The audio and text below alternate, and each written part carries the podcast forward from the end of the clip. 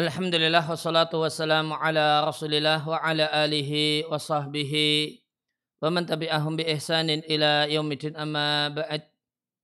Kaum muslimin dan muslimah rahimani wa rahimakumullah kembali kita lanjutkan membaca dan mentalaah al-arba'un at-tadwiriyah.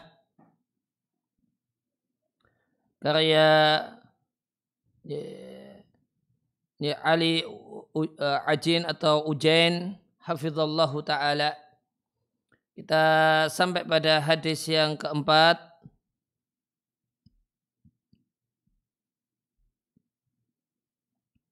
dari Ali radhiyallahu anhu Rasulullah sallallahu alaihi wasallam berkata kepadaku kul berdoalah dengan kalimat Allah mahdini wasaddidni Ya Allah berikanlah hidayah kepadaku. Dan ya Allah luruskanlah aku. Wadhkur dan ingatlah bil huda hidayah hidayah takat Wadhkur bil huda hidayah takat tariqa. Adalah petunjuk jalan wasadada dan ingatlah dengan ketepatan sadada sahmi ketepatan ya, anak panah menuju target atau sasarannya. Maka orang-orang yang sukses ini semua mereka meletakkan target tertentu dalam hidupnya. Jadi ada cita-cita yang ingin diraih. Tidak hanya sekedar mengalir ya, tanpa ada ya, angan-angan muluk yang ingin digapai. Namun karakter orang-orang yang sukses itu ya yada'una ahdafahu. Ya, meletakkan target dalam hidup memasang target dalam hidup setelah itu tidak hanya bermimpi namun berupaya untuk mewujudkan target. Renungkanlah hadis ini bagaimanakah Nabi menggabungkan antara meminta hidayah dan ketepatan. Kemudian bagaimanakah Nabi jadikan gambaran atau potret, uh, potret di pikiran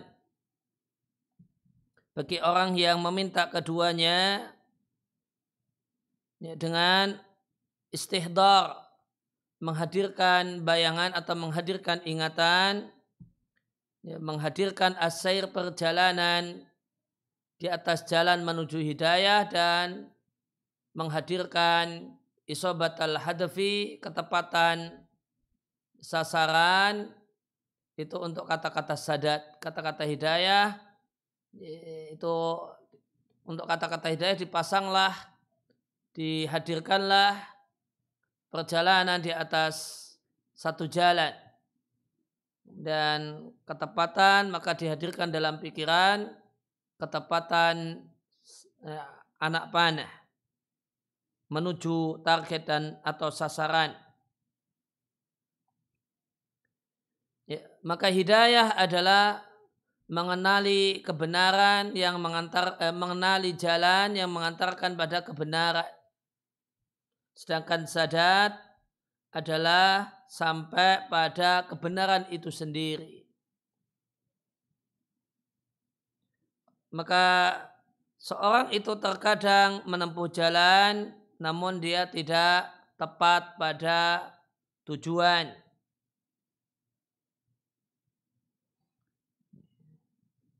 Tamaman betul-betul tepat. Seperti orang yang meletakkan eh, memasang target yang besar dan telah mengetahui jalan untuk mewujudkannya. Akan tetapi dia tidak mewujudkan targetnya. Insigalihi anha karena dia tersibukkan sehingga tidak memikirkan target. Tersibukkan dengan hal yang lainnya sehingga targetnya tidak dipikirkan. Atau bid'afi himmatihi lemahnya semangatnya. Atau karena dia tidak uh, memasang tertib aulawiyat skala prioritas.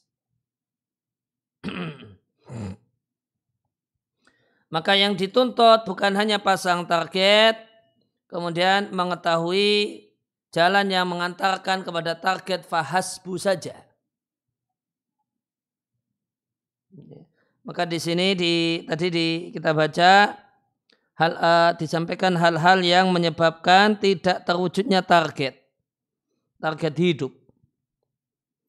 Ya, yang pertama karena insiral karena tersibukkan dari target, tersibukkan an berarti targetnya malah tidak pernah diurusi. Sibuk dengan yang lain.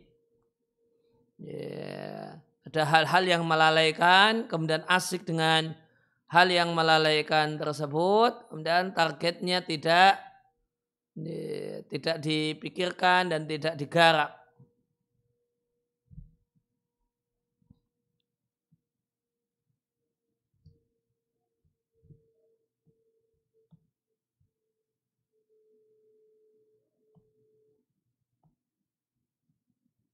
Maka bisa jadi karena tersibukkan sehingga target itu tidak di ya, dikelola dan tidak dipikirkan atau sudah punya target namun ternyata lemah semangatnya. Semangat untuk wujudkan target itu lemah. Atau ini tidak ada skala prioritas tertib aulawiyat. Akhirnya ya, yang harusnya target utama itu malah tidak terwujud, malah hal-hal yang bersifat sampingan itu terwujud. Dan di antara contoh nyata dalam masalah target ya, dan konsisten dengan target adalah ya, kalau masuk toko buku atau kalau masuk perpustakaan. Itu harus punya target yang jelas. Jangan tergoda, jangan mudah tergoda. Orang tuh masuk toko buku, niat asalnya mau bikin beli buku A dengan budget sekian. Itu kalau enggak, enggak, pakai skala prioritas, ah nanti lihat-lihat dulu. Nah, lihat-lihat dulu akhirnya malah nggak cari buku yang dicari pulang-pulang duh kok saya nggak cari kok nggak jadi beli buku A yang mau saya cari? Ya ini disebabkan karena ya, tidak ada target. Atau ada target namun tergoda dengan yang lainnya. Ya, kemudian masuk perpustakaan mau cari buku A kemudian dibaca dan dan dipinjam. Tapi ah lihat-lihat dulu akhirnya lihat-lihat, lihat-lihat, lihat-lihat. Uh, jatah waktu untuk di perpustakaan Anda habis, ternyata lupa untuk cari buku yang diinginkan.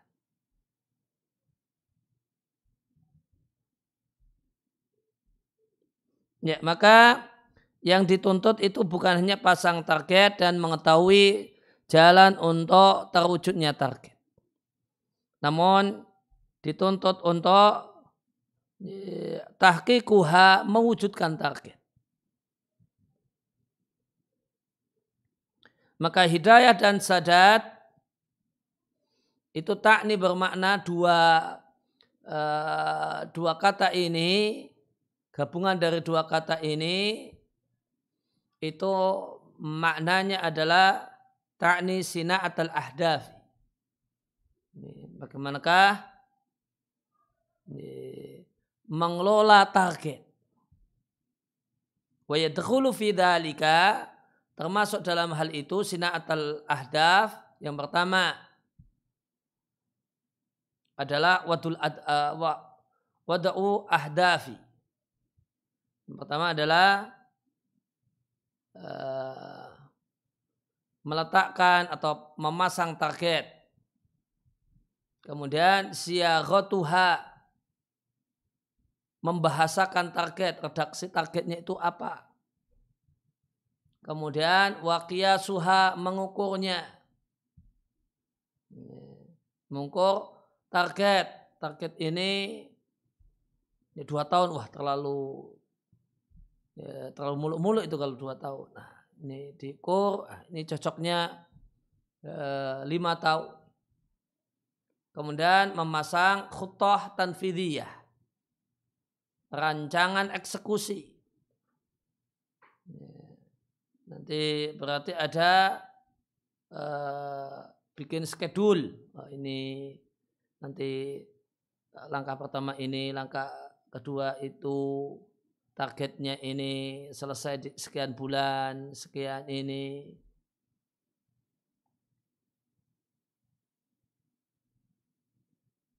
Ya, dalam dalam hadis ini Nabi Shallallahu Alaihi Wasallam memberikan bimbingan kepada Ali bin Abi Thalib untuk berdoa dengan doa yang agung, yaitu doa minta hidayah dan ketepatan.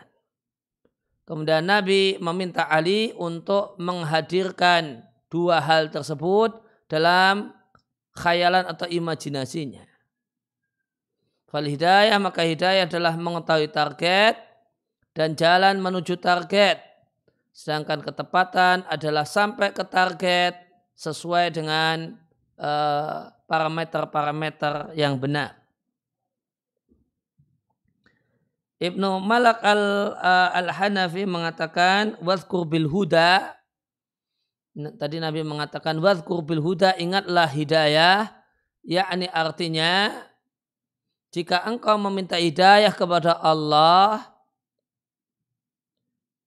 fa'akhtir biqalbika maka hendaknya ada lintasan ada lintasan pikiran di hatimu hidayah tariqa hidayah pada jalan. Yang dimaksud jalan adalah tariqat dini. Jalan agama. Wasalil istiqamah dan mintalah istiqamah di jalan agama. Kama tatahara dalika sebagaimana engkau berupaya seperti itu yaitu istiqomah di atas jalan fi suluki tariqi ketika menempuh jalan karena khawatir tersesat. Jadi ya, maka Nabi meminta untuk membayangkan. Ketika ya Allah aku memohon kepadamu hidayah maka bayangkan bagaimanakah seorang yang menempuh jalan. Maka bagaimanakah orang yang menempuh jalan pakai Google Map misalnya. Maka dia istiqomah dengan itu. Lurus lurus belok kanan kanan. Kiri kiri. Maka demikian semangatnya. Karena apa? Khawatir tersesat. Maka demikianlah yang dihadirkan dalam pikiran ketika meminta hidayah. Kemudian masih kata beliau, wabisadat, dan ketika minta asadat ketepatan, maka bayangkan di hatimu. Soal sadat, meminta dan memohon ketepatan dalam ucapan dan perbuatan. Maka bayangkan kata Nabi, sadad sahmi, ketepatan anak panah. Aifakama maka sebagaimana anak panah itu bergerak menuju target secara lurus. Ya, tidak menyimpang ke kanan ataupun ke kiri. Maka demikianlah mintalah kepada Allah sadar dan ketepatan dan engkau tidaklah pada saat mendapatkan ketepatan kau tidak akan menyimpang dari kebenaran dan menuju kebatilan albatata tidak menyimpang sama sekali.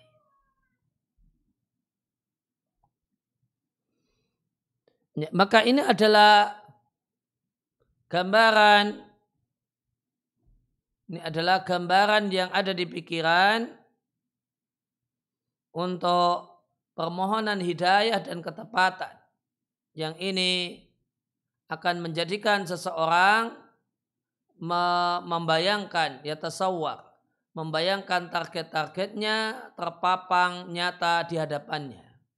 Sebagaimana dia melihatnya dengan mata kepala dan menjadikan dia merasa urgensi memasang target kemudian mengevaluasinya dan bertanya kepada dirinya sendiri di setiap lahdah, di setiap kejapan mata. Apa yang sudah terwujud darinya dan kenapa saya tidak bisa mewujudkan target tersebut. Dan target, target hidup adalah apa yang diupayakan untuk bisa sampai di masa depan. Dan ini mencakup semua unsur kehidupan manusia. Sehingga agar target personal, agar target sosial, ekonomi, dan pengetahuan wa majmu ahdafi dan total dari gabungan dari berbagai macam target-target ini, akan mewujudkan dan membentuk ru'yatal insani. Visi seorang manusia dalam hidup ini. Visi bahasa Arabnya ru'yah. Nah, sehingga visi kan cara pandang.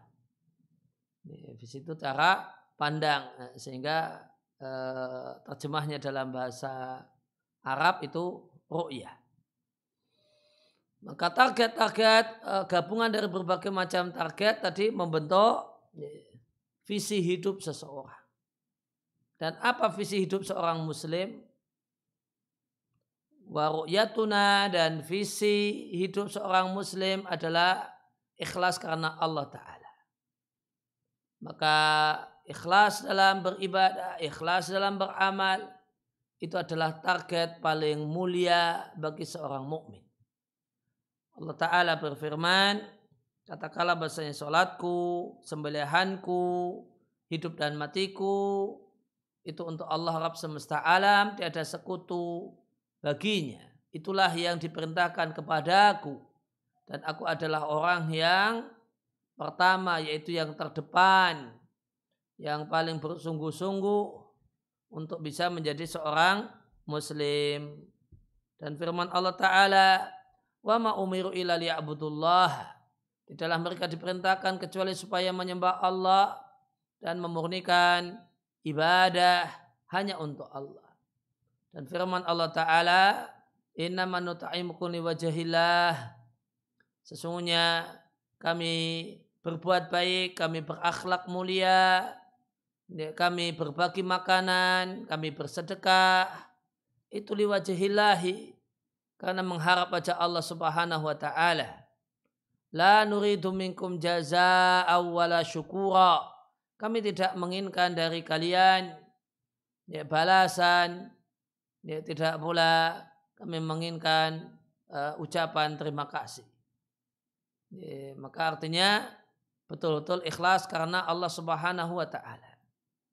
Di antara hal yang membedakan uh, akhlak pembeda akhlak seorang muslim dengan non muslim, akhlak orang yang beriman dan orang yang tidak beriman, akhlak Islam itu uh, yang dicari adalah uh, yang dicari adalah akhirat bukan balasan dunia. Lain halnya dengan orang yang tidak beriman, dia dia berakhlak mulia, peduli, bersedekah, menolong, membantu, namun ya, namun yang diharapkan mendapatkan balasan itu semua di dunia. Sehingga kecewa ya, ketika tidak mendapatkan balasan. Adapun orang yang beriman menyadari bahasanya akhlak mulia dalam bentuk membantu, menolong, bersedekah, dan yang lainnya adalah bukalah transaksi jual beli. Namun dia adalah bentuk ibadah kepada Rabbul Alamin, kepada Allah Rabb semesta alam. Sehingga dia katakan dengan lisannya dan itulah yang uh, dan itulah yang nampak dari sikap-sikapnya la nuridu minkum jaza awala syukur. Kami tidak menginginkan dari kalian balasan juga tidak pula terima kasih. Namun di sini ada dua hal yang patut untuk didudukkan dan di, dibedakan agar tidak salah dalam bersikap, ada sikap untuk orang yang berbuat baik, dan ada sikap untuk orang yang uh, mendapatkan kebaikan dari orang lain. Maka ayat ini Al-Insan ayat 9 itu membahas tentang norma untuk orang yang berakhlak mulia, orang yang peduli dan orang yang menolong.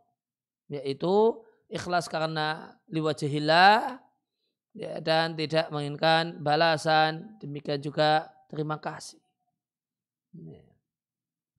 dan, dan oleh karena itu ya, maka jika menginginkan pahala yang sempurna selayaknya orang yang bersedekah dan berbuat baik tidak minta didoakan orang yang ya, mendapatkan kebaikannya.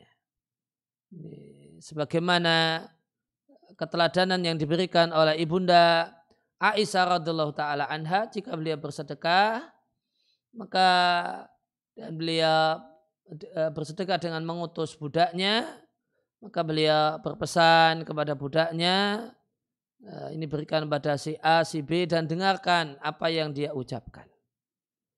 Ya, dan dengarkan apa yang dia ucapkan dan apa yang dia katakan. Maka setelah pulang nanti budak uh, budak ini akan melaporkan. Saya sudah kasihkan kepada serahkan pada si A dan si A berdoa demikian dan demikian.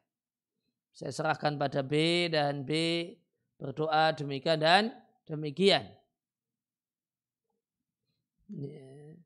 Maka Ibunda Aisyah kemudian mendoakan masing-masing mereka sama persis dengan doa yang mereka panjatkan kepada Ibunda Aisyah sebagai bentuk terima kasih. Dan beliau katakan, karena saya ingin agar pahala sedekah saya utuh di akhirat. Tanpa berkurang. Kemudian yang kedua adalah sikap orang yang diberi kebaikan. Maka sikap orang yang diberi kebaikan adalah berterima kasih kepada orang yang berbuat baik kepadanya. Ya, sebagaimana sabda Nabi Sallallahu Alaihi Wasallam, man la nasa. Tidaklah bisa bersyukur kepada Allah orang yang tidak tahu terima kasih kepada manusia dan siapa yang tidak berterima kasih dengan yang sedikit maka dia tidak akan bisa berterima kasih dengan yang banyak kebaikan manusia itu sedikit sedangkan kebaikan Allah itu setiap detik maka jika dengan yang sedikit saja tidak pandai bersyukur dan berterima kasih, maka dengan yang kebaikannya banyak tentu lebih-lebih lagi. Dan ya, di antara eh, di antara akhlak mulia Nabi Shallallahu Alaihi Wasallam adalah eh, yakbalul hadiyata wa yuthibuhu. Nabi Shallallahu Alaihi Wasallam itu menerima hadiah menerima hadiah wa yuthibu namun namun membalasnya dengan yang semisal. Maka di antara akhlak mulia adalah menerima hadiah. Karena menerima hadiah itu menyenangkan orang yang memberi. Karena menolak hadiah itu bikin kecewa orang yang sudah beli, sudah bungkus, sudah ini ya, e, dibungkus rapi, macam-macam, sudah bersusah payah, ya ternyata yang diberi tidak mau. Dan serius gak mau, dan ngotot gak mau, rela tengkar untuk tidak mau. Ini ujung-ujungnya dikembalikan. Ini ujung-ujungnya tidak diterima. Intinya tidak diterima. Maka menerima pemberian itu satu hal yang adalah bagian dari akhlak mulia. Namun akhlak mulia Nabi Shallallahu Alaihi Wasallam adalah setelah menerima hadiah beliau membalasnya berusaha untuk membalasnya dengan yang semisal. Sebagaimana dan ini Nabi lakukan dan Nabi eh, dan Nabi katakan dengan Nabi maka ini sunnah uh, sunnah fi'liyah yakbalul hadiah wa yuthibuhu ini sunnah. Ini sunnah uh, fi'liyah kemudian sunnah kauliyah dengan Nabi katakan Nabi Shallallahu Alaihi Wasallam katakan man sona'a ilaikum ma'rufa fakafi'uhu siapa yang berbuat baik kepadamu maka balaslah dengan yang setara balaslah dengan yang seimbang. Ini tentu uh, hanya bisa dilakukan kepada orang yang uh, bisa ya, kebaikannya itu bisa dibalas. Karena ada orang-orang yang kebaikannya itu tidak bisa dibalas. Dikarenakan beliau orang yang sangat kaya raya. Ini, beliau adalah orang yang sangat kaya raya. Semuanya beliau sudah punya. Ini, dan uh, atau kemudian karena kaya itu ya beda enak di orang miskin belum tentu uh, itu enak di orang kaya ya karena ya, kondisinya berbeda ya, maka ya, orang semacam ini ya, secara teori tidak bisa diberi tidak bisa dibalas dengan yang semisal maka yang bisa dilakukan adalah berterima kasih kepadanya dan memuji uh, kebaikannya.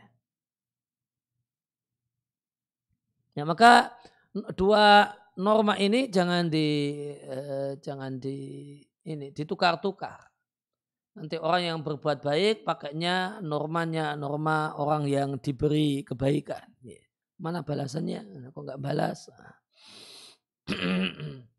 Ke mana terima kasihnya? Gitu.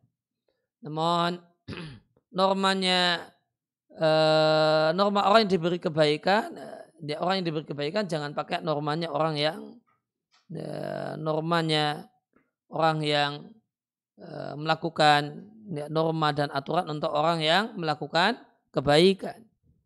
Ya, ya, lanuridu minkum jasa awala sukuro lo. Nah, tidak demikian. Namun masing-masing hendaknya ya, disiplin dengan normanya masing-masing.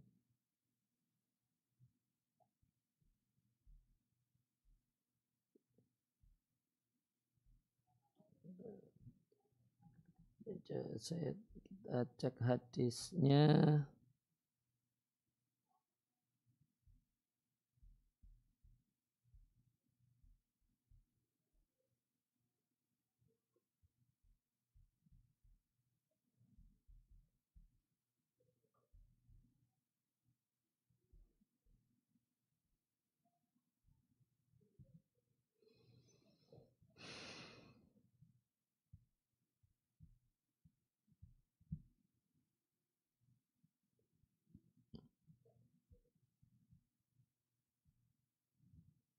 Ya, uh, redaksi hadis yang saya ceritakan adalah ya, hadis dari Bunda Aisyah. Anna Nabi sallallahu alaihi wasallam kana yakbalul hadiyata wa yuthibu 'alaiha. Nabi sallallahu alaihi wasallam itu punya akhlak mulia, dua-duanya akhlak mulia. Pertama akhlak mulia menerima hadiah, kemudian yang kedua adalah akhlak mulia me, uh, membalas hadiah.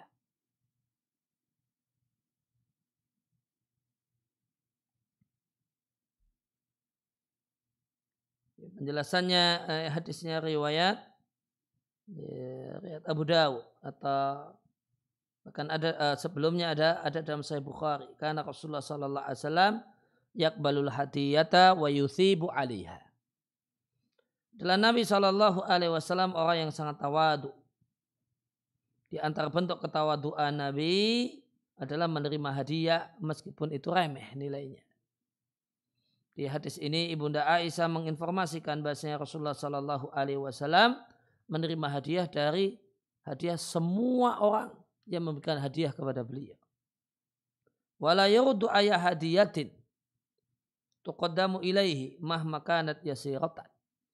Dan beliau tidak menolak semua hadiah yang diserahkan kepada beliau ya, meskipun remeh nilainya.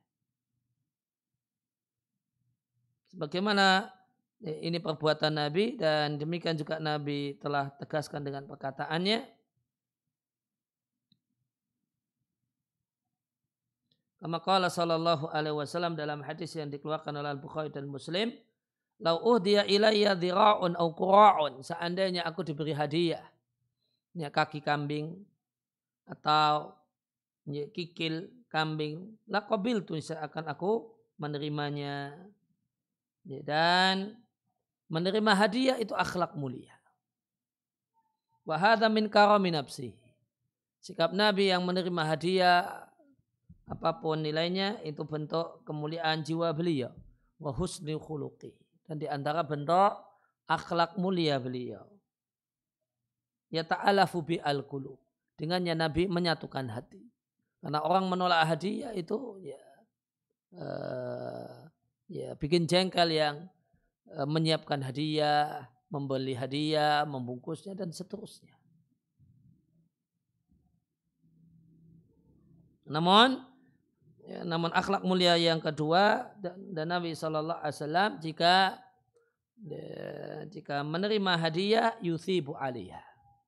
Dia membalasnya. Ayyukafi'u man a'tahu yaitu beliau akan membalas orang yang memberikan hadiah bihadiyatin mithl, bihadiyatin mithliha dengan hadiah yang setara atau yang lebih baik. Ya, beliau memiliki prinsip Raddil husna bi ahsana. Au mithliha. Membalas kebaikan dengan yang lebih baik atau minimal semisal.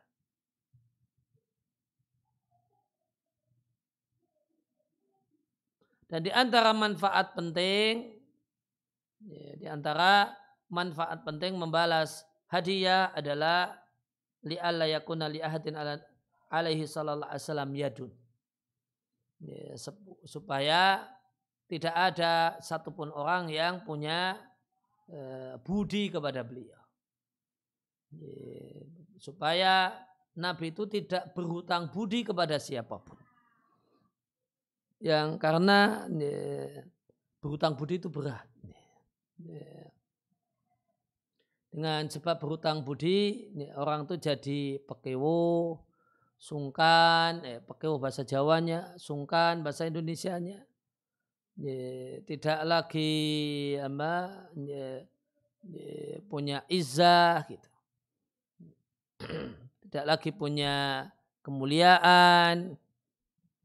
Ya, maka ya, sehingga namun di satu sisi menerima hadiah itu akhlak mulia. Tapi kalau menerima hadiah kita eh, kita jadi berutang budi. Dan ini di sebagian eh, kondisi nanti jadi ya, jadi problematis gitu. Sehingga ya, sehingga sehingga akhlak mulia berikutnya pasangannya adalah ya, mengganti atau membalas hadiah tersebut dengan yang semisal. Sehingga wala yalzamu li ahadin minna. Sehingga tidak ada orang yang punya jasa kepada Nabi.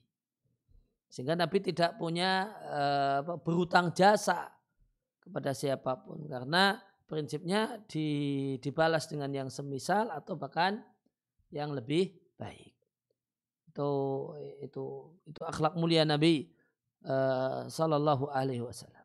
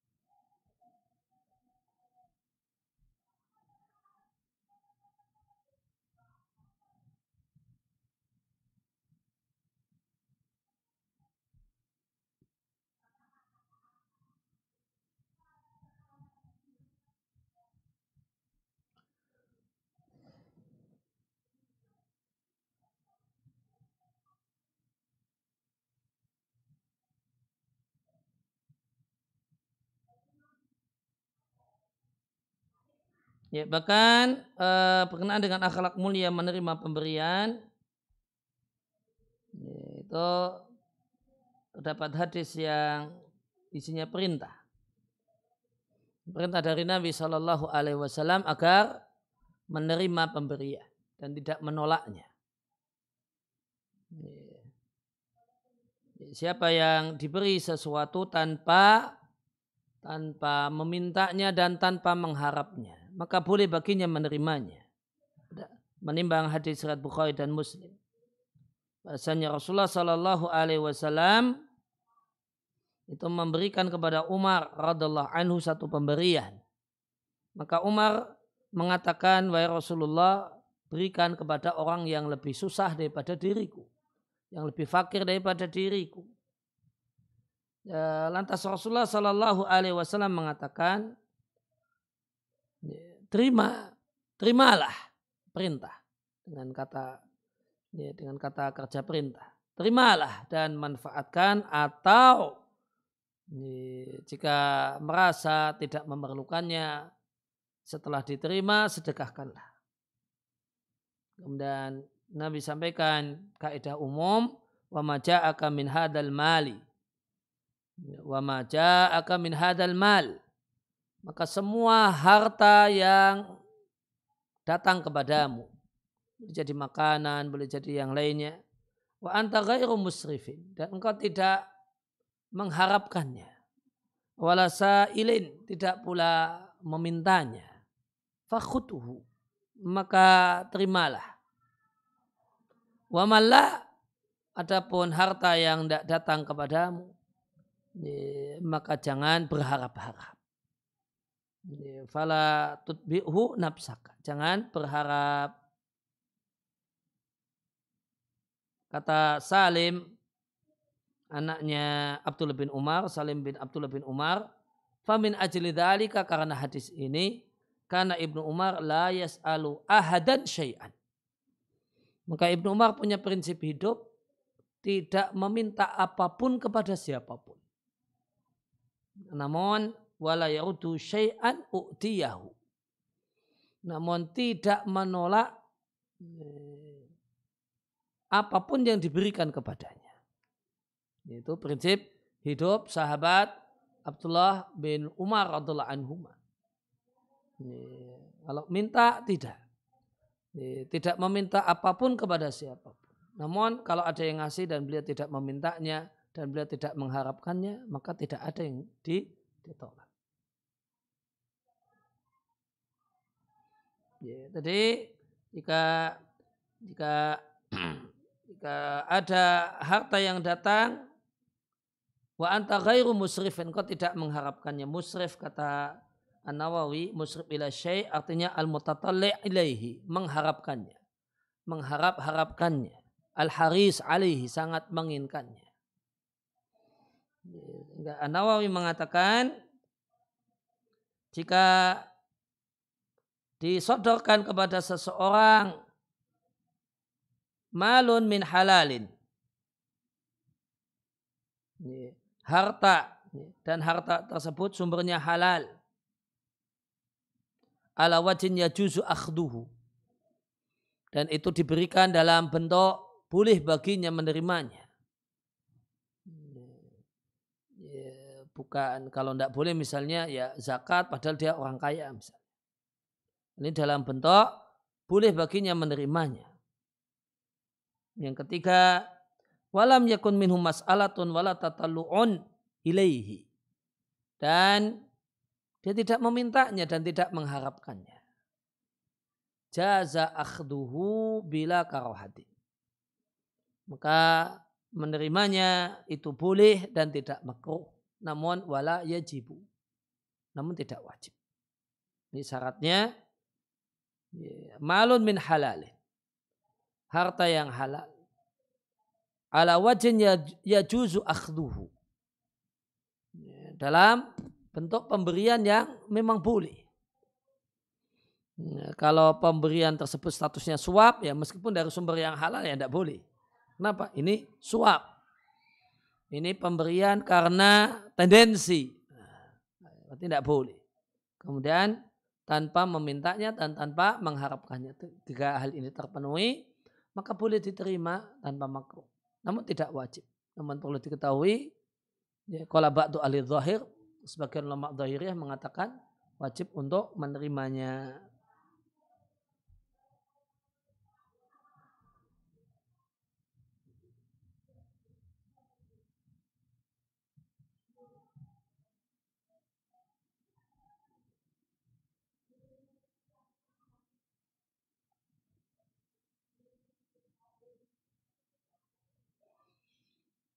Uh, ada penjelasan di ada kutipan dari Fatwa Lajnah jilid yang ke-16 tidak mengapa menerima hadiah tanpa mengharapkan dan membalasnya jika memungkinkan dengan ya, balasan yang sesuai. Kalau tidak mampu membalasnya, doakan orang tersebut. Menimbang hadis Nabi Shallallahu Alaihi Wasallam, man sona'a ilaikum ma'rufan fakafi'uhu. Siapa yang berbuat baik kepadamu, balas kebaikannya. Fa'ilam tajitu ma tukafi'unahu, jika engkau tidak memiliki sesuatu yang bisa diberikan sebagai balasan atau karena orangnya tidak mungkin dibalas. Maka doakan orang tersebut hatta tarau annakum qad kafa'tumuhu sehingga engkau yakin kalau engkau telah uh, ya doa yang yang banyak sampai yakin kalau sudah bisa ya, doa tersebut sudah membalasnya.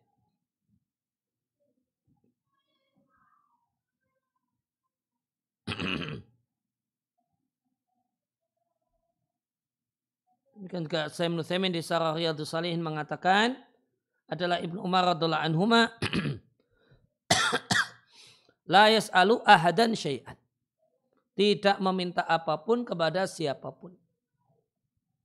Namun jika ada sesuatu yang diberikan kepada beliau tanpa ada permintaan dari beliau sebelumnya, ya, maka beliau menerimanya. Ya, ya, jika ada sesuatu yang diberikan tanpa permintaan maka beliau menerimanya. Ini kata saya Ibnu wa hadza ghayatu adab. Inilah adab yang berada dalam puncaknya. Inilah adab dan uh, uh, sikap yang terbaik. Yang tidak ada yang lebih baik lagi dibandingkan hal itu karena sudah sampai puncaknya. Yang pertama tidak menghinakan diri dengan minta-minta. Kemudian tidak pula mengharap-harapkan harta dan hati tidak kemudian kepikiran ya harta tersebut yang itu ada di tangan orang lain.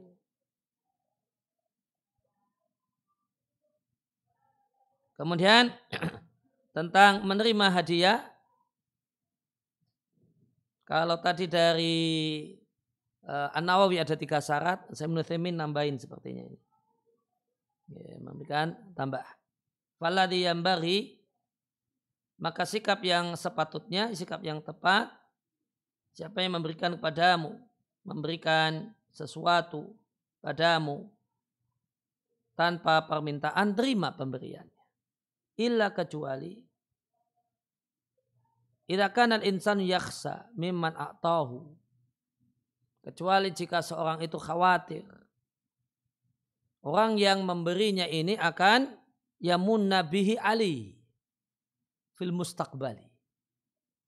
Dia akan uh, merasa berjasa dengan atau kemudian akan mungkit-mungkit. Atau kemudian dia akan menyebut-nyebutkan jasanya. Saya itu punya jasa loh sama fulan. Begini-begini. Nah, ini juga mungkit-mungkit. Dan merasa berjasa. Nah maka dalam kondisi itu Dengan dia mengatakan, anak ataituka, anak fa'altu ma'aka kada wa kada. Aku telah berikan kepadamu dan aku telah lakukan demikian dan demikian dan semacam itu. Fahuna maka kala ya, dalam ya, maka di kasus semacam ini ya maka bisa di, uh, bisa ditolak, jangan diterima. Falyahmi nafsahu min hada. Lindungi dirimu dari kondisi ya mbak uh, diungkit-ungkit pemberian dan di uh, ini dan orang mengatakan saya sudah berjasa saya sudah berbuat baik demikian dan demikian maka ada orang yang ungkit-ungkit uh, akan merasa berjasa merasa dan me, mengatakan pada kita bahasanya Anda berhutang budi kepada saya dengan demikian dan demikian. Jadi jadi empat ini kalau ditambahi tadi.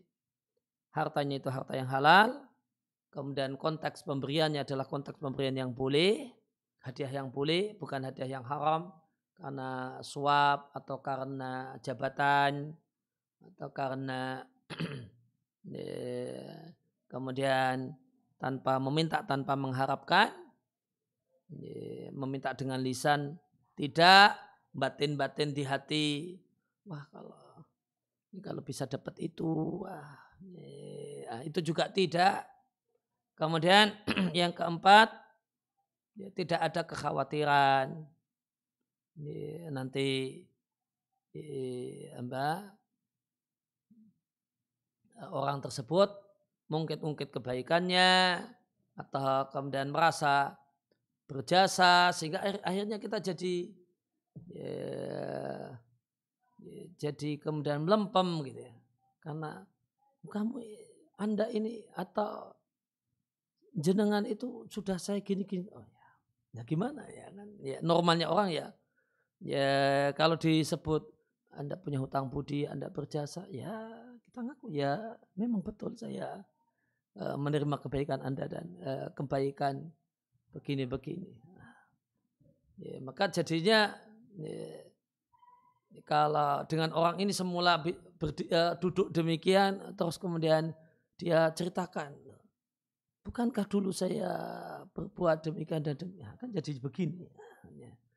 jadi begini ya, maka ya, kalau empat ini terpenuhi silahkan terima hadiah ya, bahkan itu akhlaknya Nabi Shallallahu Alaihi Wasallam menerimanya ya.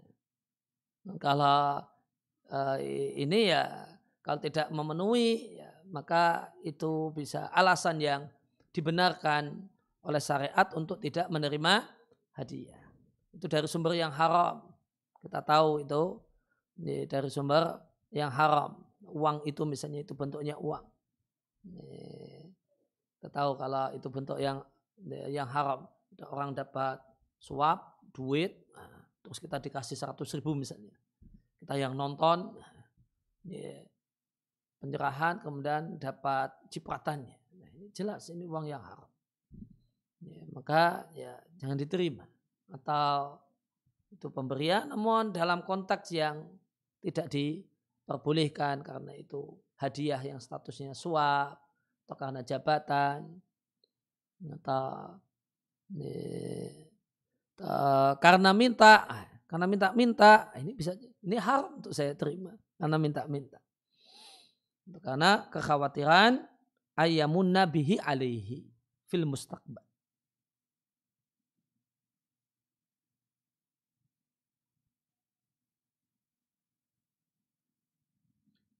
Ada faedah menarik perkataan uh, sedangkan meminta-minta harta orang tanpa kebutuhan mendesak hukumnya haram tidak boleh. An-Nawawi di Sahih Muslim menyampaikan itafaqal ulama. Ini penting faedah penting. Ini sepakat ulama ala nahi ani su'ali min ghairi darurati. Ya, terlarang ngemis minta-minta ya, tanpa kebutuhan yang mendesak ya, tidak ada kebutuhan mendesak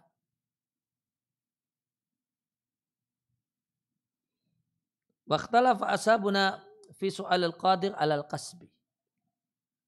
Eh, ashabuna syafi'iyah berselisih pendapat tentang minta-minta yang dilakukan oleh orang yang mampu kerja. Badannya gagah, kuat, masih muda, normal. Itu minta-minta. Untuk diberi. Ala wajahain. ada dua pendapat di kalangan Syafi'iyah. Pendapat yang asah yang paling kuat hukumnya haram berdasarkan hadis-hadis yang melarang ngemis dan minta-minta.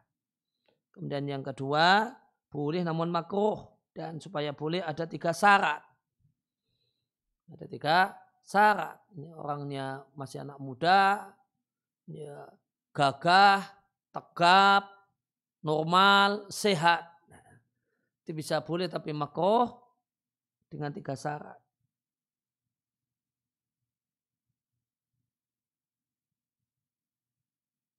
Yang pertama Allah yuliha. Eh, ngemisnya tidak boleh merengek. Enggak boleh merengek. Ya, bulak balik ya. ngomongnya cuma sekali saja jangan berkali-kali yulih itu merengek itu berkali-kali Kemudian yang kedua, Allah yudhilla nafsahu ziyadatan ala dhili nafsi su'ali. Jangan memelas. Jangan memelas. Mungkin terjemah bebasnya demikian. Tidak menghinakan diri lebih dari kehinaan meminta itu sendiri. Bantu saya Pak, nah, itu kan uh, itu kan sebenarnya sudah menghina, sudah kehinaan gitu. Terus habis itu kemudian ditambah dengan memelas. Nah, ini ini lebih dari itu. Kemudian yang ketiga wala yu'dil mas'ula. Tidak mengganggu orang yang dimintai harta. Ini di zaman ini komunikasi ini ada orang yang minta chat tiba-tiba chat WA itu minta karena dianggap ustadz, ustadz itu kemudian dianggap mungkin duitnya banyak, udah tiba-tiba chat WA, eh, chat WA atau eh, sarana yang lainnya, eh, gitu. Pernah ada orang yang chat minta bantuannya, 8 juta saja, saja. Kayak kayaknya duitnya berlimpah. Ya. Yeah. maka ya, tidak menyakiti orang yang dimintai. Bentuk menyakitinya bolak-balik miskol misalnya. Dia bolak-balik miskol. Minta untuk diangkat. Ini bisa ini uh, bentuk yu'di al-mas'ula. Fa'in fukida syartun min dalika. Jika hilang salah satu dari tiga syarat di atas, haruma hukumnya jadi haram. Ini berkenaan dengan al-qadir alal kasbi.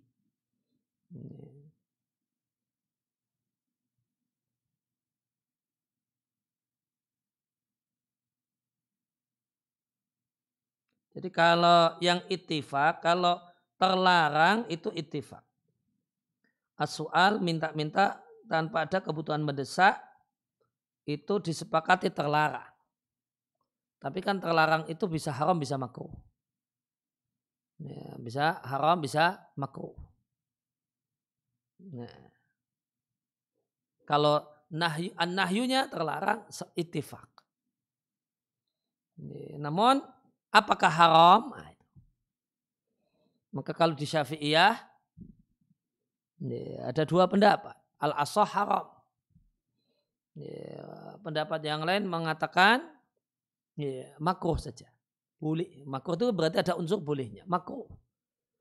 Tapi supaya makruh hukumnya hanya uh, hanya makruh menurut sebagian ulama syafi'iyah yang berpendapat demikian ada tiga syarat. Tidak mendesak, tidak bolak-balik, ngomongnya cukup sekali. Nggak ada respon ya sudah pergi Ya, cukup satu kali chat. Ya. Misalnya kalau itu. Ya, ya. Kemudian tidak direspon atau responnya tidak ini. Ya, responnya didoakan semoga dimudahkan urusannya. Ya, itu berarti artinya tidak direspon. Ya sudah nggak jangan ngechat tadi, jangan ngechat lagi. Ya, kemudian jangan memelas. Ya, pasang mimik memelas. Ya, atau datang dengan pakaian yang memelas. atau ditambahi kalimat-kalimat supaya memelas. Saya sudah dua hari nggak makan pak, ini kan memelas. Padahal dia seorang yang gagah, mas-mas gagah, kuat. Ya. Kan. Kalau pakai memelas jadi haram. Kemudian tidak menyakiti yang dimintai. Nanti kalau nggak ngasih nanti mobilnya saya gores. Nah, ini kan, uh, itu menyakiti. Pakai pendapat yang mengatakan makuh itu juga tetap jadi haram.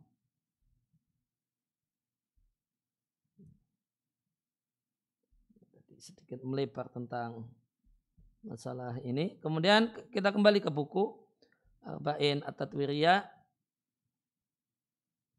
Wa hadha ma anhu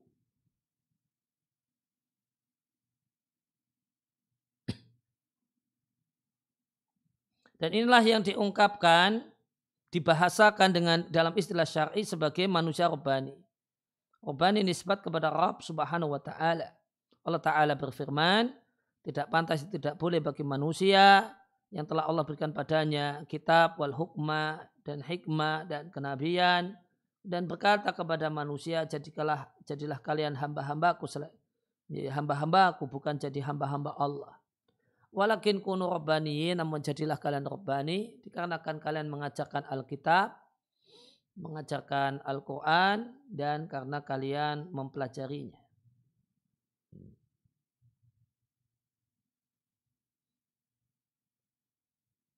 Dan di bawah target utama ini, target-target utama seorang muslim adalah ikhlas. Maka di bawah target utama ini masuklah semua rincian kehidupan seorang muslim. Sampai-sampai ya, nafkah yang dia berikan kepada keluarganya. Maka sepatutnya nafkah uh, dia mencari dengan nafkah tersebut wajah Allah Ta'ala. Karena dengan niat demikian maka yuk jaru alaiha dia akan diberi pahala. Bagaimana hadis dari Sa'ad bin Abi Waqqas radhiyallahu anhu dari Nabi sallallahu alaihi wasallam, Nabi berkata kepada Sa'ad bin Abi Waqqas,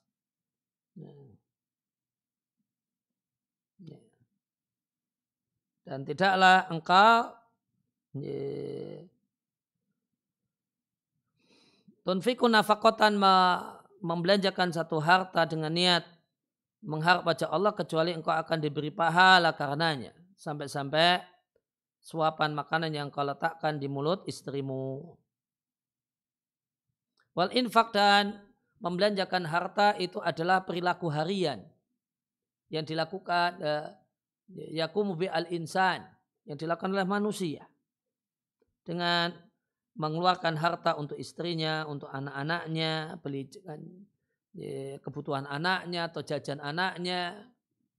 Maka jika seorang muslim menghadirkan niatnya karena Allah, maka akan diberi pahala.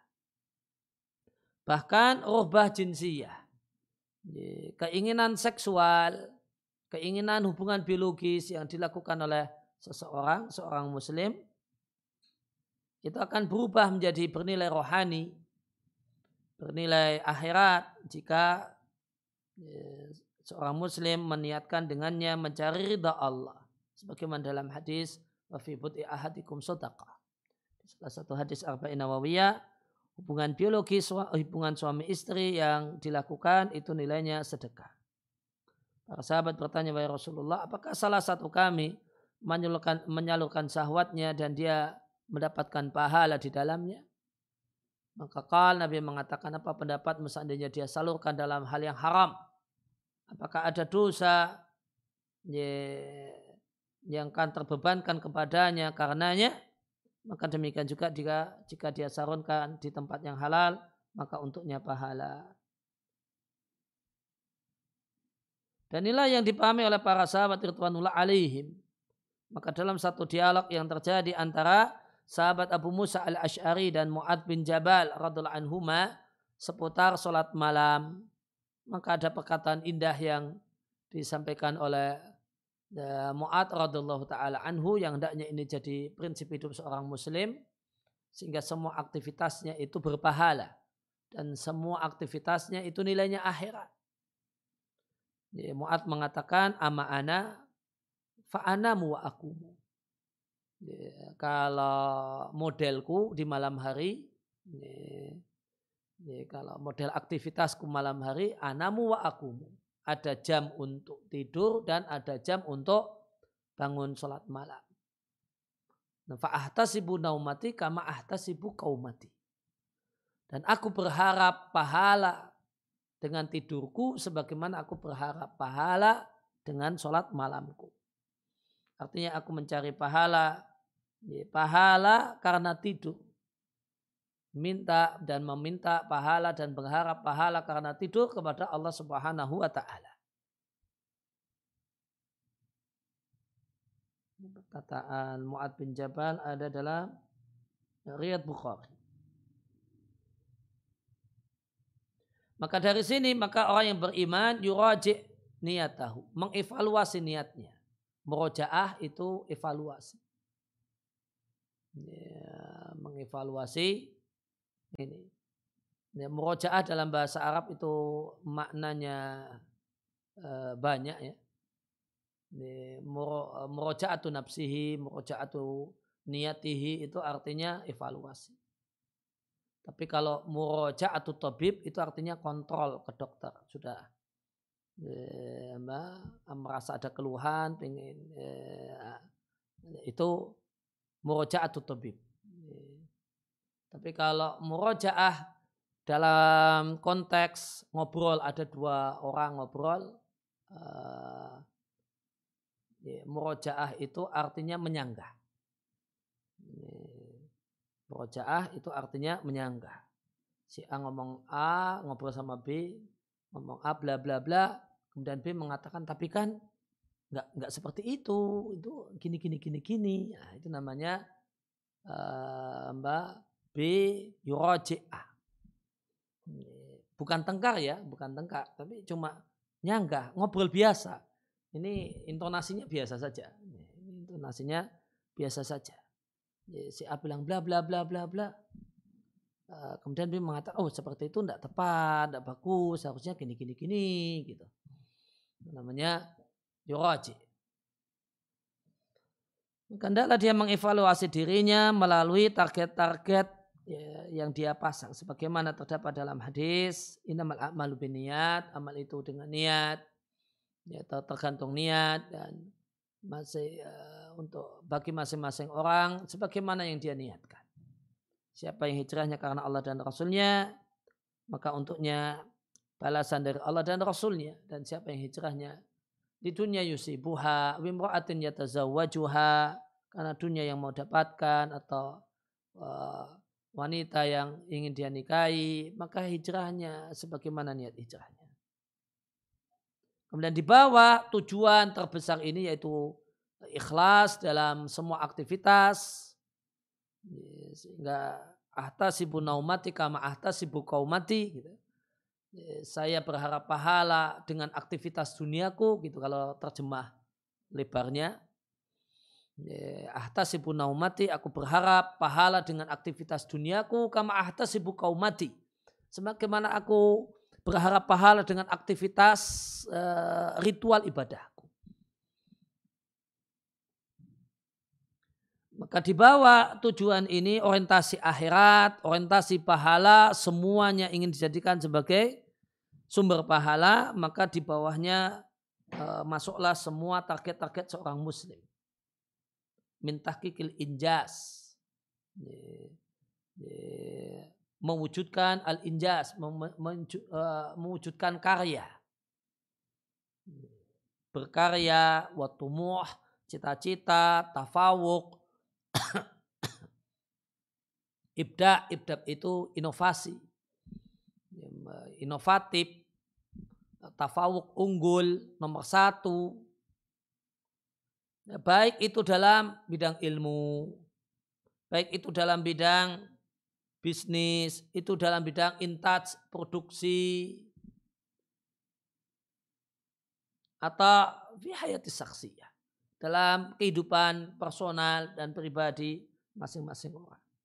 Intinya Eh, fasadid nahwal hadfi.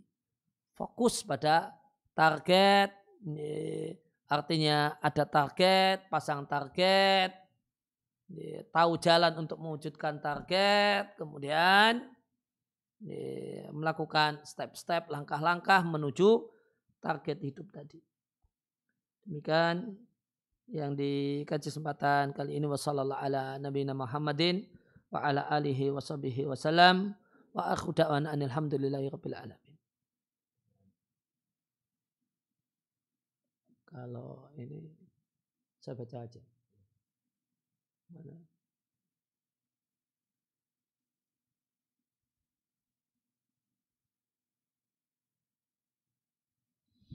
Ada pertanyaan, saya membantu murid dalam biaya sekolah. Terus setelah lulus, dia memberi makanan ke saya. Apakah ah, mukena ke saya? Apakah mukena itu halal?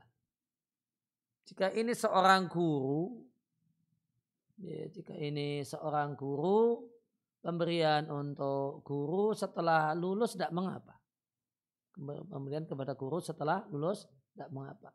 Kemudian saya PNS ketika saya memutasi dari Kalimantan ke Jawa ada orang yang bantu saya untuk proses pindah. Saya dan dia status PNS. Setelah mutasi saya berhasil, eh, maka saya ngasih uang dan yang lainnya. Apakah dibolehkan? Jika dia adalah pejabat terkait, ya, jika dia adalah eh, pejabat terkait dalam proses mutasi ini, dia punya peran untuk uh, dan itu memang tugasnya mengatur masalah mutasi dan membuat kebijakan ACC ataukah tidak maka uh, hadiah untuk dia tidak boleh. Sebagaimana sabda Nabi Wasallam dalam hadis yang Imam Ahmad hadayal umali hululun hadiah kepada orang yang punya otoritas karena otoritasnya Ya, orang yang memiliki uh, kewenangan hadiah kepada orang-orang semacam ini adalah hululun harta khianat. Bagaimanakah hukum memberi uang pada peminta-minta yang datang ke rumah-rumah? Apakah boleh kita beri tanpa pertimbangan apa pun, tanpa melihat siapa, fisik, laki-laki gagah, dan lain-lain? Kalau saya Ibn uh, mengatakan dalam hal ini hukumnya boleh. Nah, beliau katakan bahasanya perbuatan orang tersebut yang mungkin haram karena dia orang yang gagah itu eh, maka haram itu untuk dia bukan haram itu untuk dia.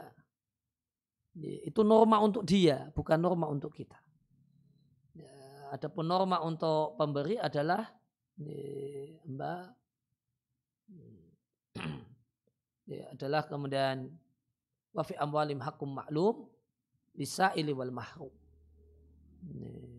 Dan dalam harta orang-orang kaya itu terdapat hak yang jelas untuk para pengemis dan orang miskin yang tidak ngemis. Jadi kalau ya ini ini norma Ya, norma untuk orang yang Allah berikan padanya kelebihan harta. Maka ada dua norma. Norma untuk orang yang dimintai dan norma untuk orang yang minta-minta. Norma untuk orang yang minta-minta, Anda tidak boleh minta-minta kalau ya, tidak ada kebutuhan mendesak. Gitu. Tapi norma untuk orang yang dimintai, maka jangan hardik orang yang minta-minta. Ya, wa amasa ila fala Ya, jangan dihardik. Sikapi dengan baik, kemudian ada norma, kayak kalau mau bantu, karena punya kelebihan harta, ya, membantunya adalah berpahala. Demikian wasallallahu uh, ala nabiyina Muhammadin wa ala alihi washabihi wasallam wa da'wana alhamdulillahi rabbil alamin subhanaka allahumma wa bihamdika asyhadu an la ilaha illa anta astaghfiruka wa atubu